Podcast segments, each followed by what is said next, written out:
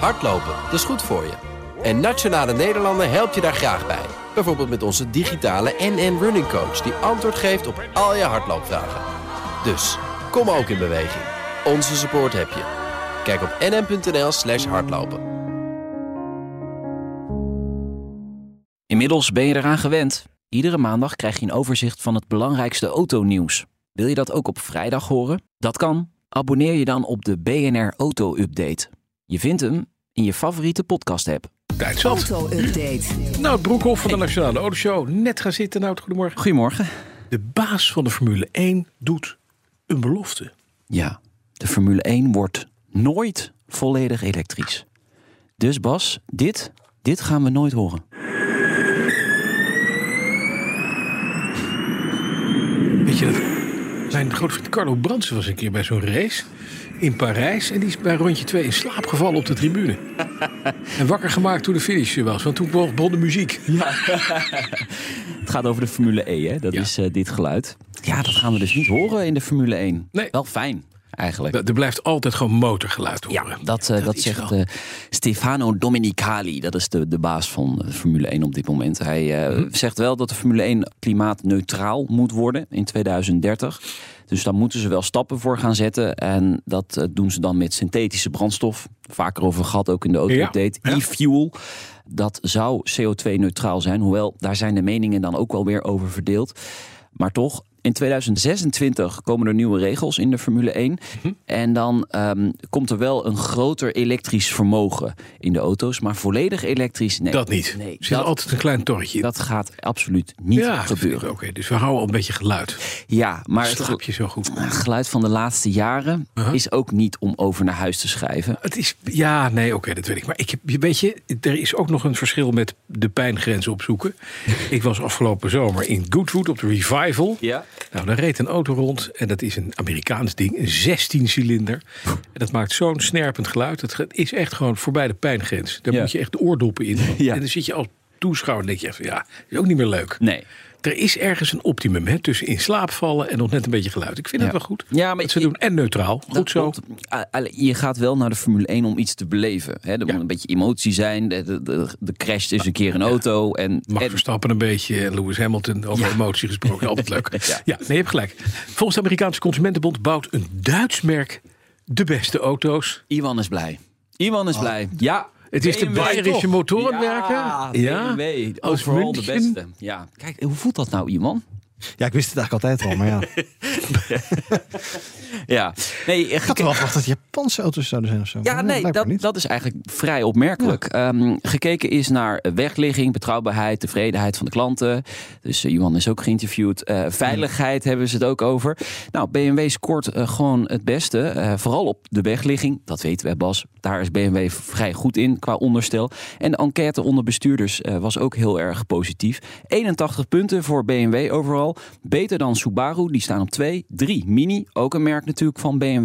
Maar het is natuurlijk leuk om ook even onderaan te kijken. hè. Wat staat er onderaan? Wat staat daar dan? Bas, je hebt toch een Jaguar? Ja. Die staat niet helemaal onderaan. Nee, die staat niet helemaal... Eh, lager staat Jeep, maar helemaal onderaan Land Rover.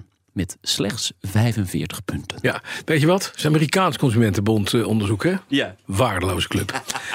Zware elektrische auto's zijn onacceptabel. Wie zegt dat? Eh, dat zegt de verkoopbaas eh, van Dacia, de Xavier Martinet. Die zelf ook elektrische auto's verkoopt. Juist, Maar wel een beetje lichter.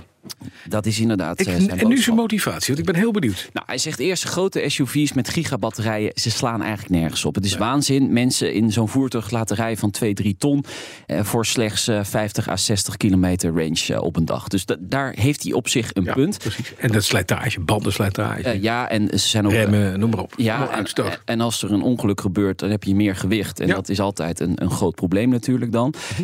Maar hij zegt, merken zouden eigenlijk de filosofie van Dacia moeten volgen. Compactere auto's, weinig opties. Want dat, Ja. dat kost ook natuurlijk gewicht. Niet te zwaar daardoor. En genoeg range voor een dagelijkse rit. Man heeft helemaal gelijk. Hè? Ja, maar wat zij dan maken is een Dacia Spring. Die eh, Mhm. minder dan 1000 eh, kilogram inderdaad weegt. Ja.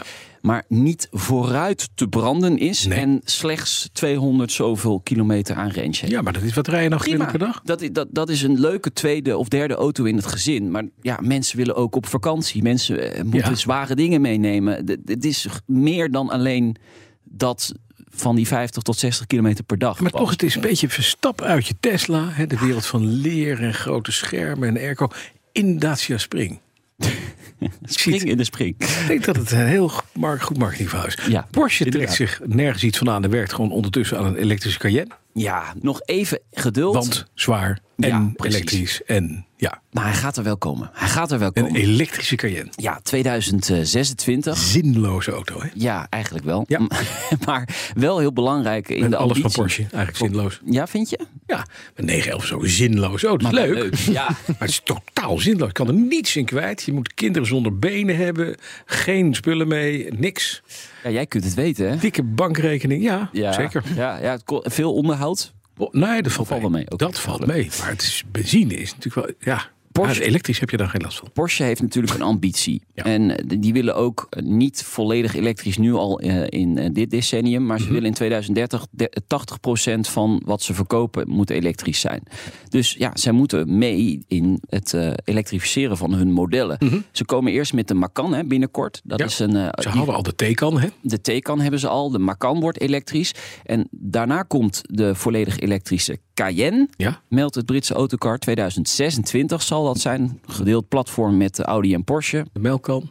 Macan. Ja, Oeh. met een actieradius van iets meer dan eh 500 kilometer, zo wordt Mhm. verwacht. En daarna komt een nog grotere SUV. Hebben we een paar weken geleden over gehad. De K1 wordt die nu als codenaam genoemd. Dus eh, ja, ze, Het is toch een berg in de Himalaya, Ja, de ja, K1? ja. Of K2 is dat? ja geen idee. K2, ja. Maar ehm, ja, weet je, ze, ze- K3. Dat is Ze doen er natuurlijk alles aan om de 911 zo lang mogelijk niet te elektrificeren. Ja, maar Dus dat gaat dan- niet gebeuren. Nooit. Daarom Ja, werken ze ook aan die, aan, die, aan die alternatieve brandstof. Hij gaat wel hybride komen, de Porsche 911. Dus uh, oeh, Die zit er in, ja. Of dat zit in 9, en een half. Porsche lanceert een app met uitdagende routes. Ja, Roads heet die app. Ja, Ehm, eh, stippelt eh, routes uit met behulp van kunstmatige intelligentie. Helemaal eh, opnieuw samengesteld. Je kiest je startpunt. Eh, vervolgens adviseert Porsche een, een leuke route. Dat doet hij op basis van de bochten, het landschap, het Zwarte Ja. Woud, de Alpen. Bezienswaardigheden kun je er ook in bijvoegen. Ja, het gaat niet echt om de snelste route, maar het gaat meer om wat Leuk. is, ja, wat is leuk om te Ja, rijden. Ja, Alleen eh, ja, is die app dan heel goed ontvangen? Hij bestaat al wat langer. Hij is nu dus volledig geüpdate. Eh, de App Store, als je die bekijkt, de recensies zijn niet zo Nee, positief nee. nog. Maar ja, goed, hij is pas nu weer Maar het is ook vernieuwd. AI, hè? En we weten sinds, sinds de dev-update van morgen... dat AI in de, in, bij Microsoft hè, zich gedraagt als een boze tiener.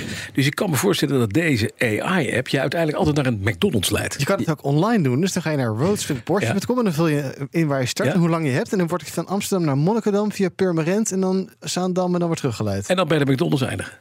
Zeg ik Ja. altijd. Via Tata Stil ook. Leuk. Ja.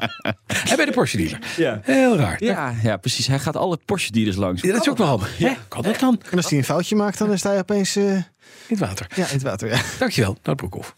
De auto-update wordt mede mogelijk gemaakt door Leaseplan. Leaseplan. What's next? Hardlopen, dat is goed voor je. En Nationale Nederlanden helpt je daar graag bij.